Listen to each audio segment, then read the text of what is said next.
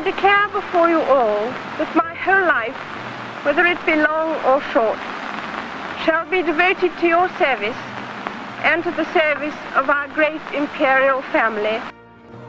Drottning Elizabeth firar 70 år på tronen och hon är populärare än någonsin. Welcome to the Queen's Platinum Jubilee, the biggest celebration in the world. På en kvart får du veta hur världen förändrats under hennes tid vid makten och varför hon väcker så starka känslor. I'm actually really, really proud of the Queen for surviving and doing so well. Det är fredag den 3 juni. Jag heter Alexandra Karlsson och det här är dagens story från Svenska Dagbladet.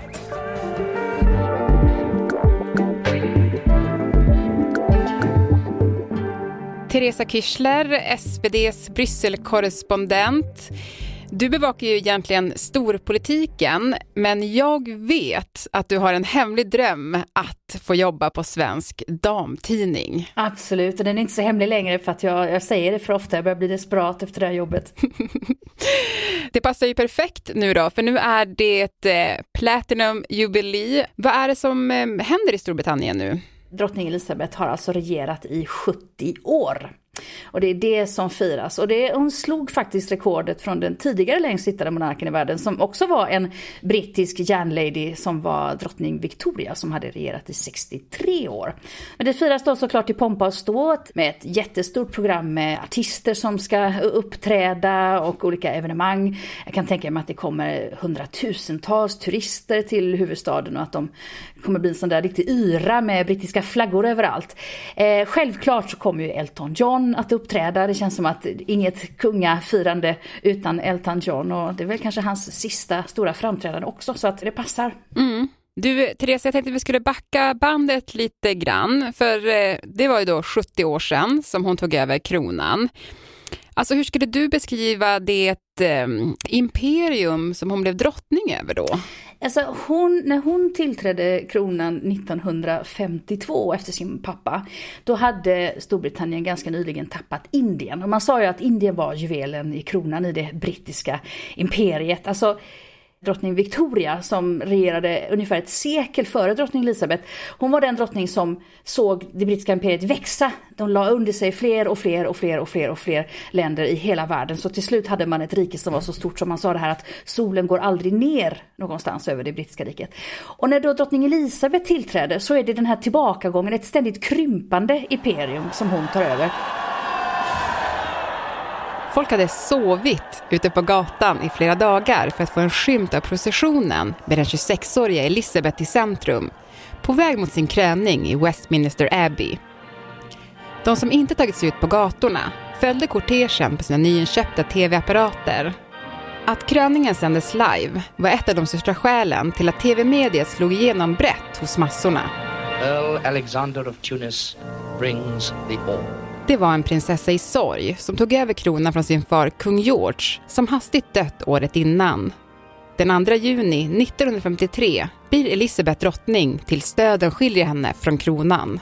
When he calls upon the people to acknowledge that they are in the presence of their rightful queen. När det brittiska imperiet var som störst, 1922, sträckte det sig över en fjärdedel av världen.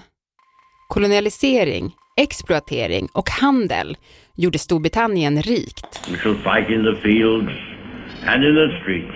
We shall never surrender.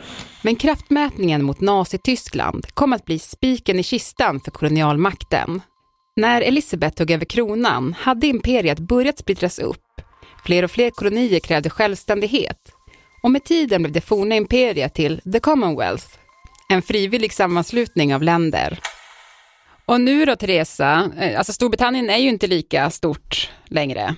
Ja, fast det är ju det samtidigt. Det är det här som är den fantastiska paradoxen med Storbritannien och det där kungahuset och drottning Elizabeth. Att då som det är ett ständigt krympande imperium. Eh, när man tittar på mark kanske, men det är fortfarande så att den, det brittiska kungahuset och drottning Elizabeth är statsöverhuvud för till exempel fortfarande Kanada. Och får den fortfarande framförallt chef för det som kallas för samväldet. Bland annat gamla kolonier i hela Afrika som fortfarande tillhör det här Commonwealth, det stora. Och där är hon ju fortfarande en symbol. Hon har ingen formell politisk makt, men hon, hon är liksom den man ser på TV. Hon är den som talar för the Commonwealth. Och folk dricker te och spelar cricket och, och rugby. Och de seglar i Commonwealth-tävlingar. Mm.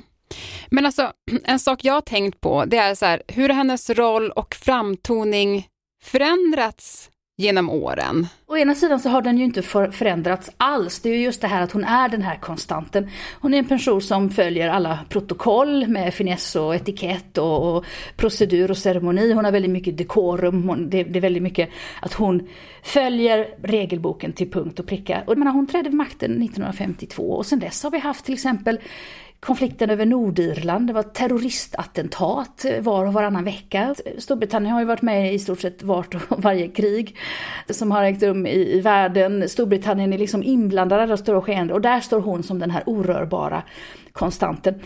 Å andra sidan så kanske just då för att hon beter sig på ett sånt där liksom regelbokssätt så blir hon i sig själv en anakronism. Som, och det ändrar ju bilden av henne att hon på något sätt inte kan följa med en, en värld i förändring.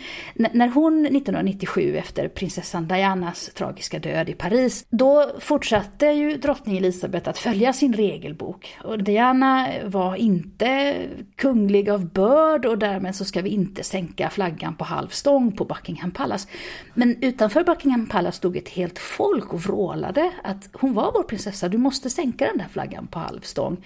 På ett sätt så blir hon då liksom offer för sin egen styrka som har varit den här konstanta punkten, att, att hon också framstår som stel och, och omedgörlig.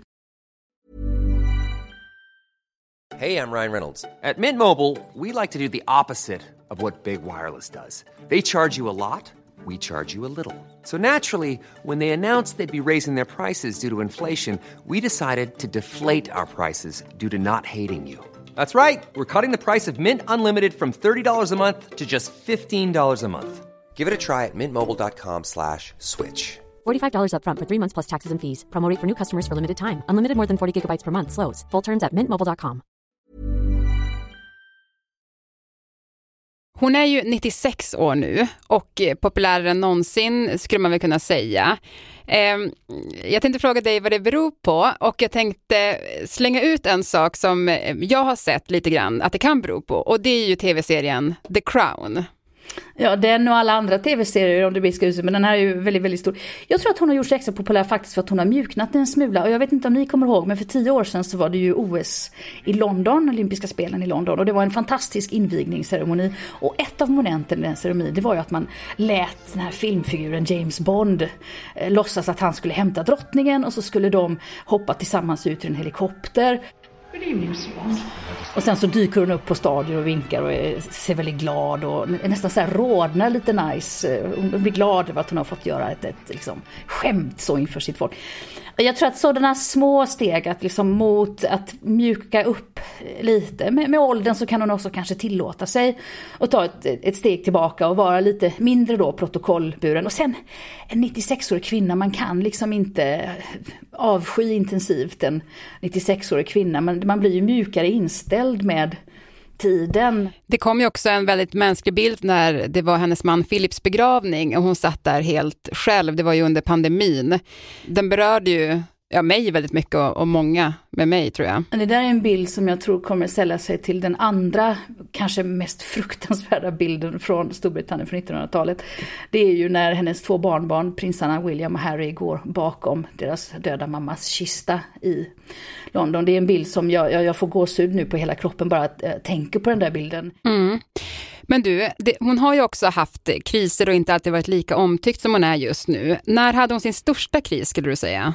Nej men jag skulle säga att det var vid prinsessan Dianas eh, död faktiskt, att hon inte kunde plocka upp den här otroliga folkliga sorgen som fanns. Eh, eller att, hon, eller att hon inte förstod att den på något sätt var tvungen att slå ut regelboken. Så jag tror att hon liksom kom över den krisen genom att ändå till slut vända en smula.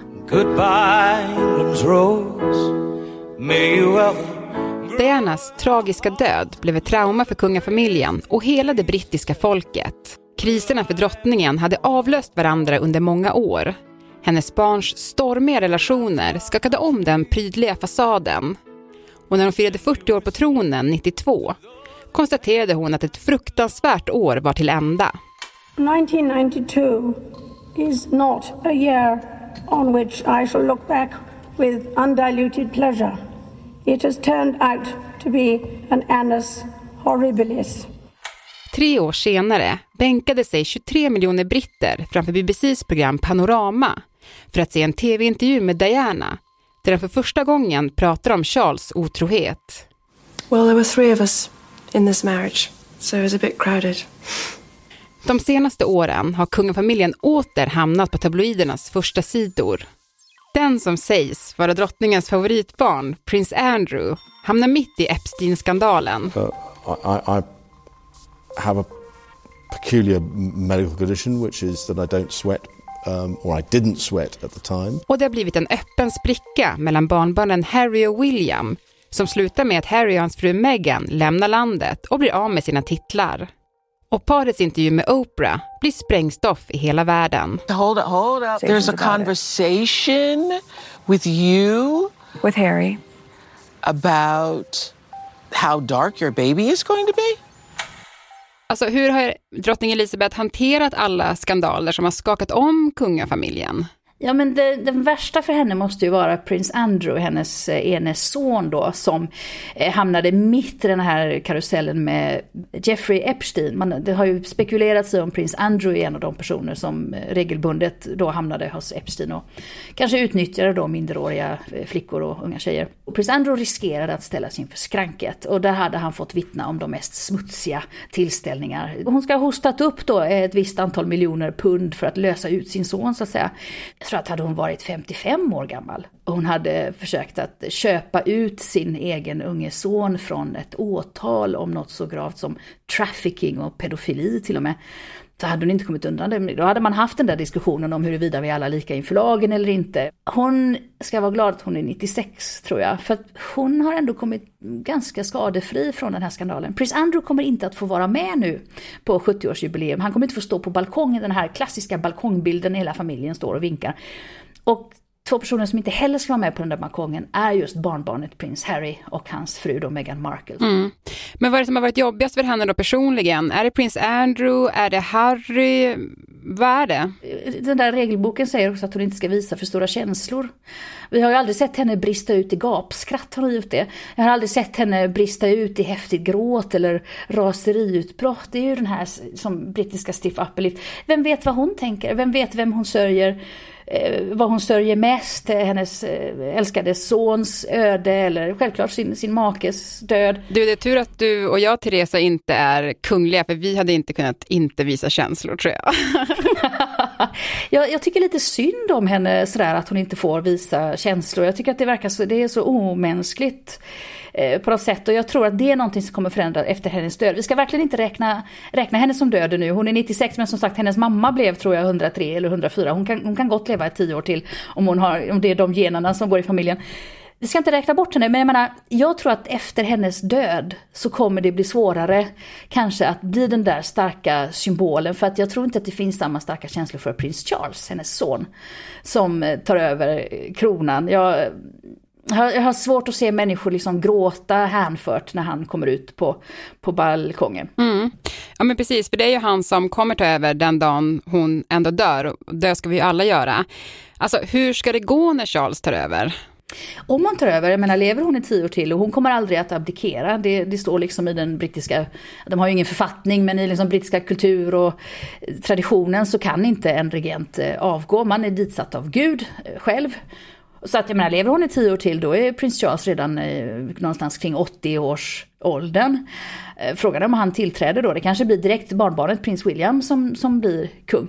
Så hon har regerat i 70 år, så det är ju inte en generation, inte två generationer. Det är till och med tre eller fyra generationer som är uppvuxna med drottning Elisabeth på sina sedlar i sin tv-apparat. De som har sett henne under livet har ju sett henne som en ung kvinna, en kvinna som eh, tog sina första steg ut i offentligheten, som förälskade sig inför hela världen, som gifte sig, som fick barn, som man såg leka med sina barn, som man har följt henne så länge. Jag menar, prins Charles som han tillträdde när han är 80, vem ska vilja följa den nya kungen då? Man har sett honom på tv, man har ogillat honom för hur han behandlade prinsessan Diana. Det var ju en extremt infekterat äktenskap och skilsmässa. Så eh, när hon dör tror jag ett helt folk ändå kommer vara ganska vilsna en lång tid. Tack Teresa för att du var med i Dagens Story. Tack så mycket. Vi som gjorde programmet idag är producent Kajsa Linderoth, redaktör Erika Hallhagen och jag heter Alexandra Karlsson.